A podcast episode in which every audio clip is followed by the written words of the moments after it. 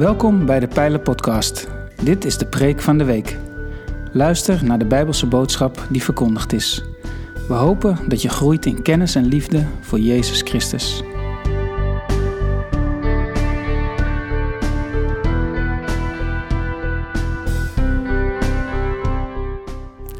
In de maand mei en juni hebben we in de Pijler een preekserie gehad met als titel Songs of Life.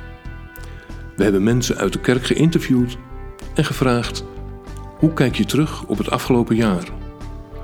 Mooie, ontroerende en eerlijke verhalen uit een onstuimig jaar. Je kunt naar ons YouTube-kanaal om deze interviews terug te zien.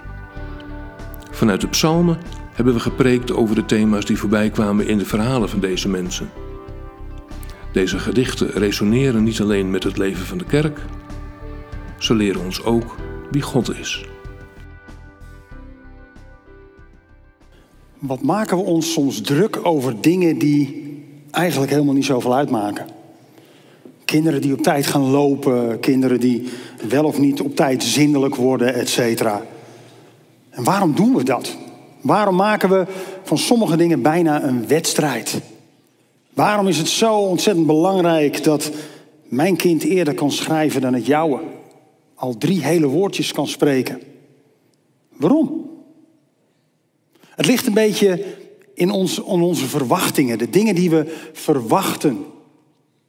En een verwachting is iets wat je hebt op basis van patronen uit het verleden. Omdat andere kinderen zoiets doen, ga je dus verwachten dat jouw kind het ook doet.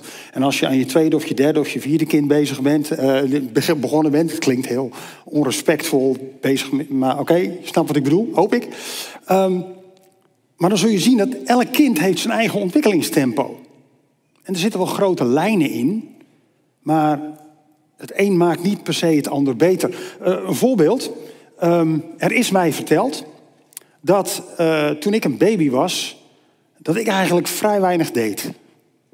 Ik deed geen pogingen om te kruipen, ik deed geen pogingen om te staan, uh, ik maakte geen geluid.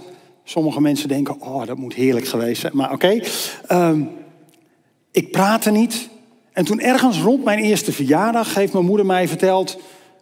Toen kwam het allemaal in ongeveer een week. Ik ging staan, ik kon lopen, ik kon praten en ben nooit meer opgehouden. Het is als je verwacht dat die trage ontwikkeling van het begin zich ineens doorzet, nou, wat betreft het praten, uh, oké, okay, dat heb ik redelijk ingehaald. En dat lopen, dat is ook wel aardig goed gekomen, geloof ik. Dus het zegt allemaal zo weinig. En toch verwachten we het. We maken ons zorgen en dat zijn terechte zorgen. Terecht als je, als je kind later is in bepaalde ontwikkelingen of dingen heel anders doet dan andere, uh, dan andere verwachtingen, dan, dan ja, oké, dan, dan is het terecht om daar soms naar te laten kijken. Maar wat de video wil laten zien is dat we ons in sommige gevallen gewoon veel te druk maken over dingen die er niet aan toe doen. Schoolniveau is ook zo'n ding. Schoolniveau. Dan willen we graag dat ons kind een bepaald niveau haalt. Ik ben leraar, zoals de meesten van jullie weten. En dan zit je met mentorgesprekken met leerlingen en dan moet een leerling afstromen of wat dan ook. Dat zijn altijd veel moeilijkere gesprekken dan leerlingen die moeten opstromen.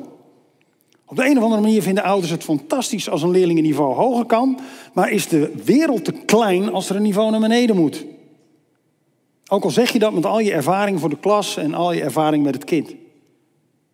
Op de een of andere manier lijkt het een soort wedstrijd. Ik kwam van de week, kwam ik, ging zwemmen, kwam ik een oud leerling van me tegen. Een jongen die bij mij in de klas heeft gezeten. Die heeft VMBO gedaan, die heeft zijn diploma gehaald. Gewoon relaxte jongen. En die is nu in de afrondende fase van zijn ALO-studie op het HBO. Hij deed VMBO, maar hij komt wel. Hij wordt gymdocent, hij gaat andere kinderen inspireren was toen al een leuke gast. Zo'n klein geblokt kereltje. Gewoon oersterk. En nu, naar wat ik zag, nog sterker. Hij had ook net getraind. Ja, dan denk ik, we maken ons soms zo zorgen. Er is, er is één aspect wat uh, voor de ouders, en zeker degenen die wat minder ervaring hebben, wat, wat wel een ding is. Slapeloze nachten. Dat is het moment dat, dat ja, dat is voor heel, heel veel ouders, en daar ben ik bloedserieus in, is dat echt een uitdaging. Slapeloze nachten. Dat je kind wakker wordt, dat het slaapritme maar niet komt, dat op de een of andere manier dat tempo maar niet in sync wil met jouw tempo en dat je s'morgens met de wallen onder je ogen naar je werk gaat, omdat je kindje de hele ochtend wakker heeft gehouden of de hele nacht wakker heeft gehouden. Dat zijn echt serieuze dingen. Maar het goede nieuws is, er komt een moment dan zijn die slapeloze nachten voorbij. Dan slaapt je kind gewoon een hele nacht door. Dan komt er ook een moment, dan worden ze puber en dan beginnen die slapeloze nachten weer helemaal van vooraf aan, maar dan om heel andere redenen. Dus uiteindelijk, kinderen doen iets met je. Kinderen doen iets met de dingen die je verwacht, maar zeker ook met de dingen waar je op hoopt. En dat is een, een bijzonder ding. Wat is, wat is hoop? Wat is hoop anders dan verwachting? Want onze verwachting, zoals ik al zei, is gebaseerd op dingen die we afgesproken hebben, op dingen die we om ons heen zien gebeuren. We vertrouwen op onze verzekering, daar hebben we afspraken over. We vertrouwen op het advies van doktoren, want die hebben daar een opleiding voor genoten. En we vertrouwen ook heel vaak op ons eigen vermogen om een oplossing te kunnen vinden voor de problemen waarin we terechtkomen. Maar waar vertrouwen we op als het allemaal niet meer helpt? Als al ons eigen vermogen, al onze afgemaakte afspraken, als die op een gegeven moment doodlopen. Als de hele wereld juist andere beslissingen lijkt te nemen dan die jij eigenlijk had willen nemen. Ik wil om dat wat verder uit te diepen met jullie lezen uit Psalm 42. En die psalm begint met het opschrift voor de Koragieten of van de Koragieten, afhankelijk van welke vertaling je leest. Ik denk zelfs dat uh, voor de Koragieten een beter is. Koragieten, klein stukje achtergrond. De Koragieten zijn de zonen van Korach. En de zonen van Korach, die uh, in Exodus 6, komen die, eh, komt Korach zelf komt in opstand tegen Mozes. Korach is een leviet, een dienaar in de tabernakel, in de tempel. En omdat hij in opstand komt tegen Mozes, um, wordt hij uiteindelijk verzwolgen door de aarde. Maar staat er heel duidelijk in Exodus, zijn zonen overleven het. En die zonen, dat lezen we dan weer in twee koningen. Die zonen, dat, is de, dat zijn de voorlopers van een zangersgeneratie. De Koragieten zijn de zangers van onder de Levieten. Onder de mensen in de tempel, dan hadden we dus hierachter hadden we, zeg maar, onze eigen Koragieten staan. Dus als er op staat voor de Koragieten, van de Koragieten, dan betekent het niet automatisch dat zij hem geschreven hebben. Maar dan betekent het dus dat het iets is wat geschreven is om voor te zingen in de tempel tijdens de dienst. Dan komen we op het tweede punt. Waar is zo'n psalm dan om geschreven? Want er wordt vrij zelden een definitieve situatie genoemd. Nou, deze psalm, psalm 42, daar zijn een aantal verschillende uh, verhalen over. Ze denken, een deel van de theologen denkt dat de psalm is geschreven naar aanleiding van uh, de, de, de, de, ja, de botsing tussen David en zijn zoon Absalom. En voor degenen die de Bijbel een beetje kennen, uh, die, die weten hoe dat afloopt. Dat is uh, geen fijn proces in Davids leven. En sowieso ruzie krijgen met je eigen kinderen. Um, zo erg ruzie krijgen dat het tot handgemeen komt. Dat het komt tot de punten waarin je elkaar klein maakt, daar wil je niet eens aan denken. Als mens wil je dat niet. Die diepe situatie wordt volgens een aantal theologen beschreven. De andere situatie waar andere theologen het op houden, is de situatie die in Twee Koningen wordt beschreven, uh, ongeveer 700 jaar voor Christus, waarin uh, Hiskia moet toezien hoe uh, de Syriërs het Judese volk wegleiden uit, uh, uit Samaria en naar hun eigen land toevoeren. Dus een volk wordt vernederd en jij staat machteloos toe te kijken. Maar ook in Davids situatie keert zijn zoon zich tegen hem en David is machteloos. Laten we gaan lezen. Psalm 42. Voor de koorleider. Een kunstig lied van of voor de Koragieten. Zoals een hinde smacht naar stromend water, zo smacht mijn ziel naar u, o God. Mijn ziel dorst naar God, naar de levende God. Wanneer mag ik nader komen en Gods gelaat aanschouwen? Tranen zijn mijn brood bij dag en bij nacht. Want heel de dag hoor ik zeggen, waar is dan je God? Weemoed vervult mijn ziel. Nu ik mij herinner hoe ik meeliep in een dichte stoet en optrok naar het huis van God.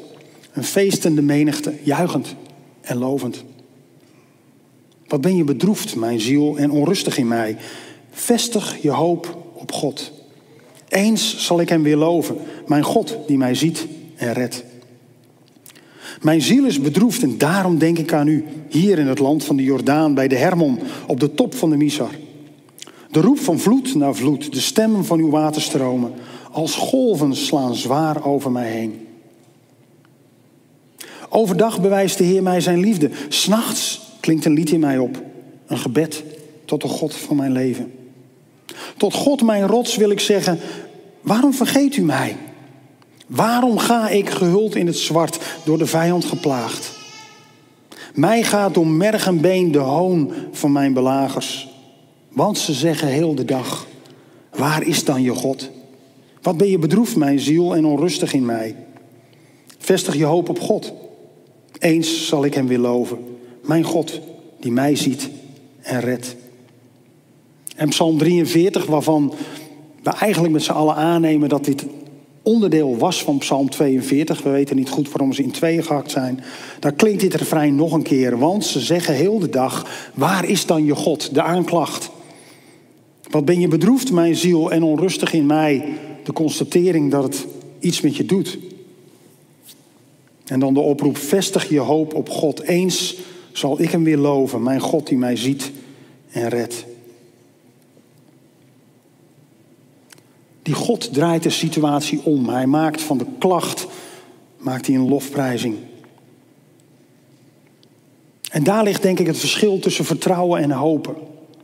Wanneer het vertrouwen op lijkt te zijn, dan heb je iets nodig om op te hopen. Hoop is gebaseerd op een belofte. Hoop is gebaseerd op iets dat buiten ons bereik ligt, wat we niet zelf kunnen afspreken met andere mensen. Voor de psalmschrijver is zijn hoop gebaseerd op de God die mij ziet en die mij redt. In de, in de psalm lezen we ook dat de beschrijving plaatsvindt op basis van emoties. Het begin al, mijn ziel dorst naar God. Als een hinde zoals die smacht naar water. God wordt hier afgebeeld als een eerste levensbehoefte. Water. We hebben water nodig. Drie dagen zonder drinken en we gaan dood. Water is een eerste levensbehoefte. God is de eerste levensbehoefte. Tranen worden genoemd. Weemoed. Maar gelukkig ook de herinnering aan toen het goed was. Toen ze optrokken naar de tempel. Misschien hebben we zo het afgelopen jaar zelf ook af en toe gezeten. Als we dan de, de tv aanzetten en gingen kijken naar een dienst die hiernaast in de bunker werd opgenomen en uitgezonden. Dat je dacht van goh, wat was het toch gaaf, de momenten dat we gewoon met z'n allen hier binnen mochten komen. En elkaar tegen konden komen, daarna met een kopje koffie en hier mochten zingen. Nou, dat mochten we vandaag ook. En je merkt het meteen, het, het doet iets. Het brengt iets. Maar de herinnering aan God is ook de herinnering aan zijn beloften.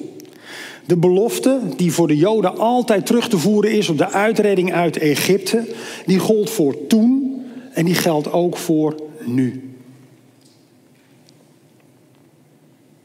Vreselijke situaties, een uitzichtloze situatie waarin geen verzekering, geen ding waar je op vertrouwd menselijk gezien uitredding kan bieden.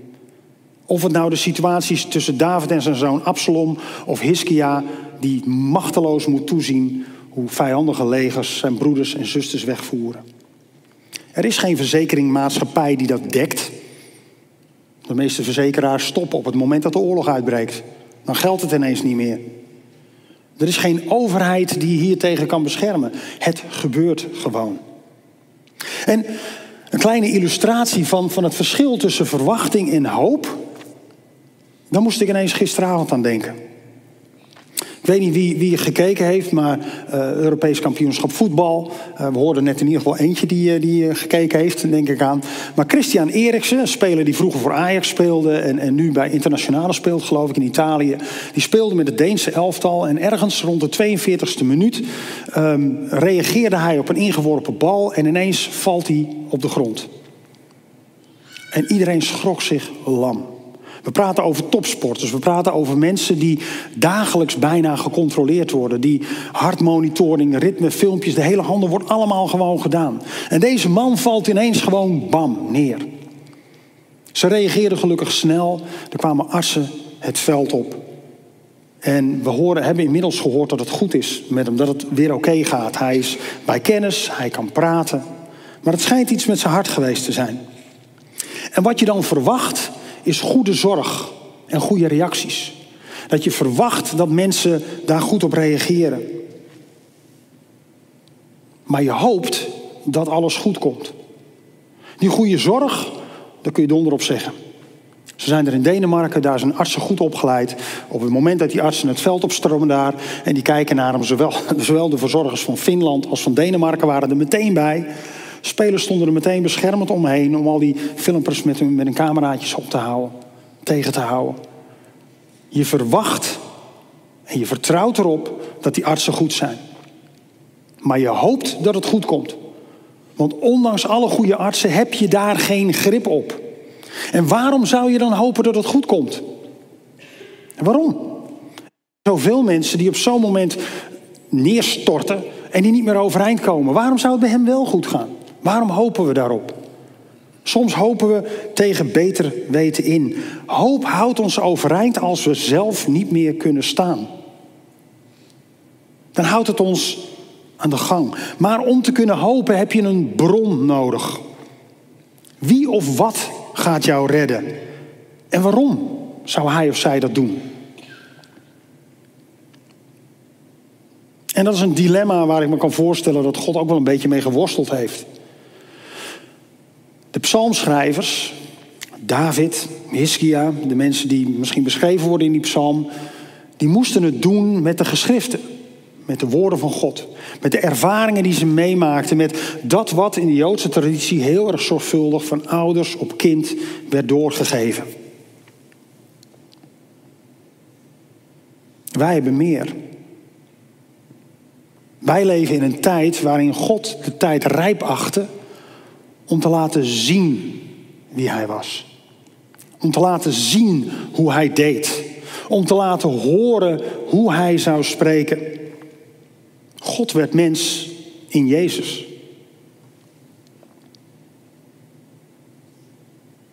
En Jezus deed ons voor hoe we zouden moeten doen zoals God wilde dat we het doen. Hoe we zouden moeten omgaan met onrecht. Maar ook hoe we ons vertrouwen zouden moeten plaatsen op de God. Ook voor de dingen waar we eigenlijk alleen maar hoop voor kunnen opbrengen. Omdat we niet weten of we het gaan krijgen, of het ons toekomt. Jezus werd de hoop voor de mensheid tot op de dag van vandaag. En Jezus gaf ons ook een blik die verder reikte dan het einde hier. Verder dan het einde van de aarde, het einde van ons leven hier.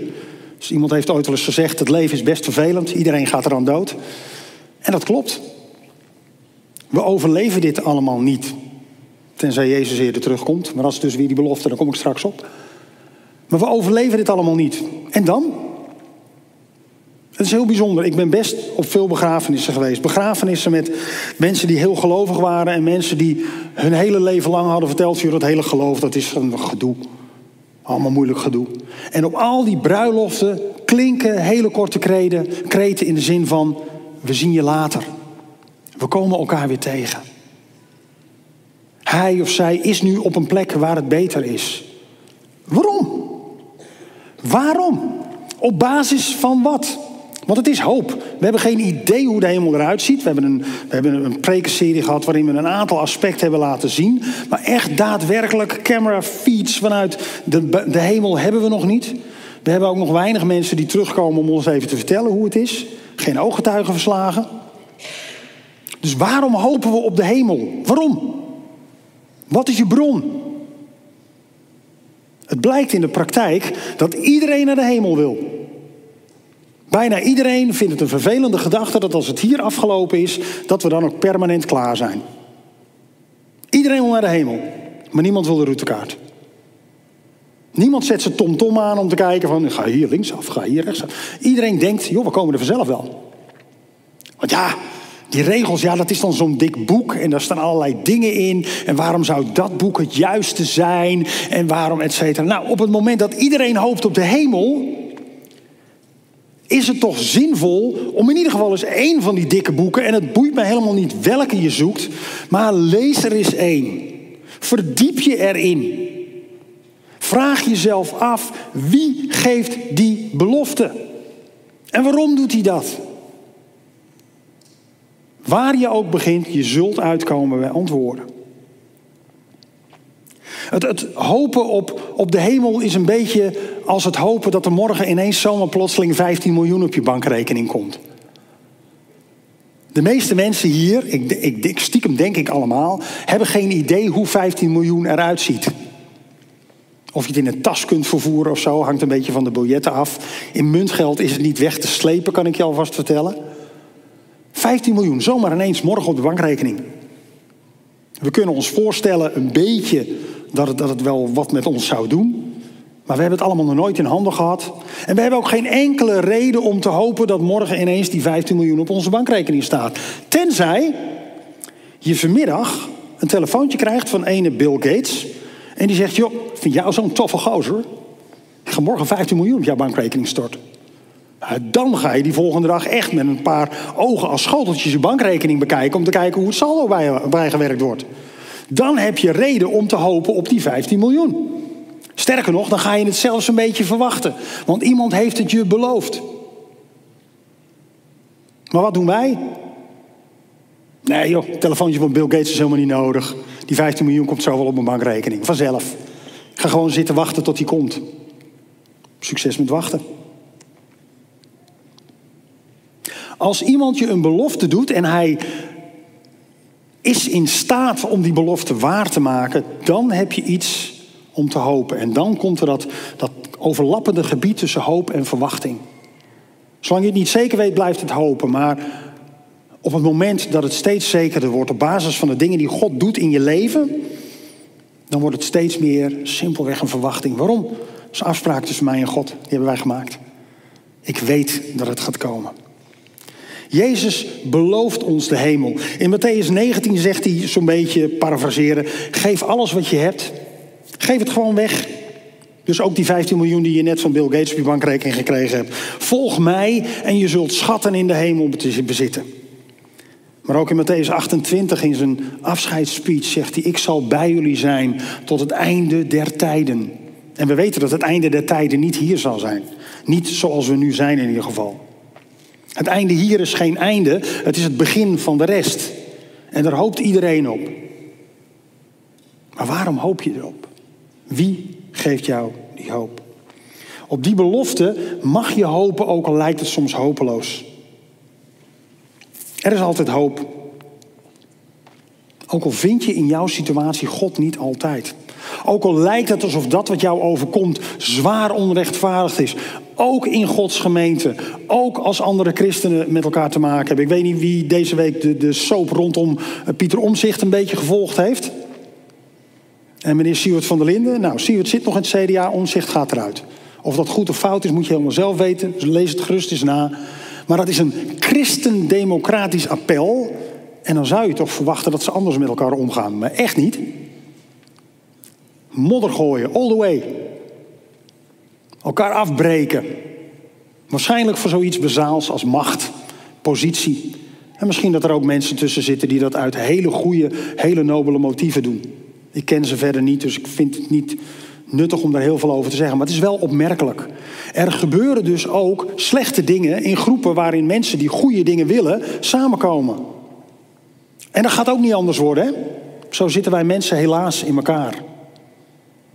En we reageren allemaal vanuit het diepst van ons zijn, willen we het goede doen. Maar dat is geen garantie dat het ook goed overkomt. En dan mag je blijven hopen. Dan mag je blijven hopen dat God redt. Hier en nu al, morgen, overmorgen, maar zeker tot in de eeuwigheid. Hou vol. Nog even terug naar de kinderen. Kinderen zijn onze hoop voor de toekomst. Want waarom begin je aan kinderen als je geen hoop hebt dat er iets voor hen valt om te leren, om te ontvangen?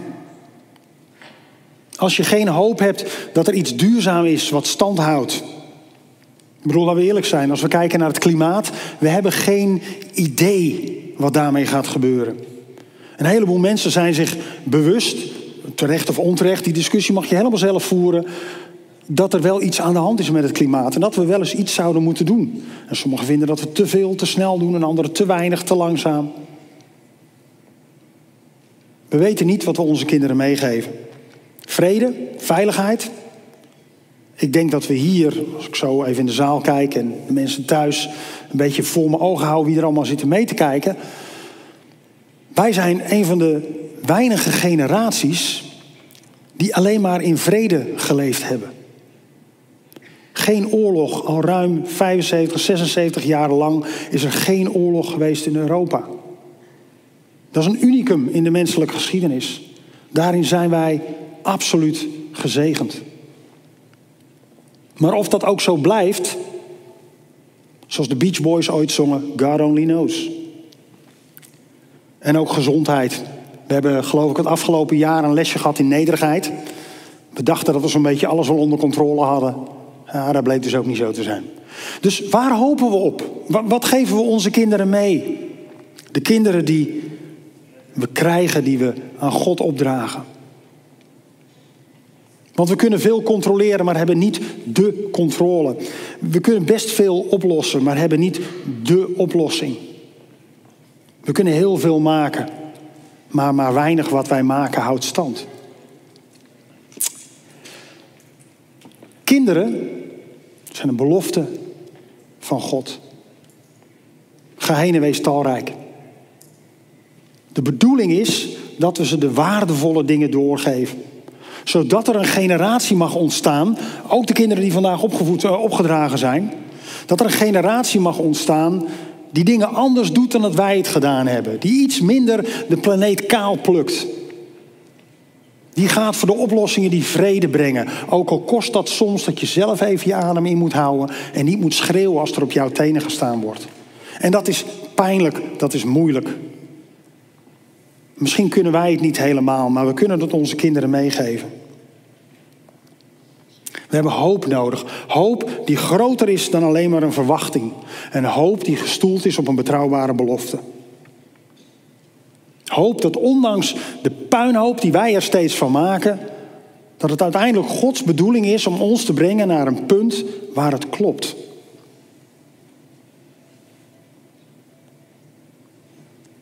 Hoop houdt ons overeind als we zelf niet meer kunnen staan. En, en, en droom eens met me mee, de kinderen die vandaag opgedragen werden. Misschien zit er wel een tussen die ergens over een aantal jaren een medicijn ontwikkelt tegen een slopende ziekte. Of is er wel iemand die we over een jaar of 10, 20 op een Europees toernooi zien voetballen en denken: oh, die hebben we nog gezien. Misschien is er wel iemand die zijn leven gaat inzetten om anderen te helpen, te dragen, een stukje van hun lijden over te nemen, mede te lijden. Er zit zoveel potentie in kinderen. En hoe vaak smoren wij dat niet door onze systemen? Onze verwachtingen als ouders. Geef ze de ruimte om te groeien in hun eigen tempo. En hoop dat ze worden wat ze kunnen worden. Dat ze de ruimte krijgen om te ontdekken. En dat mogen we hopen omdat we hopen op een God die ons ziet en die ons redt. Met de hoop voor de kinderen en de hoop voor ons, als mensen, als kerk, wil ik afsluiten met het refrein van Psalm 42. Want ze zeggen heel de dag: waar is dan je God? Wat ben je bedroefd, mijn ziel, en onrustig in mij. Vestig je hoop op God. Eens zal ik hem weer loven. Mijn God, die mij ziet en mij redt. Amen.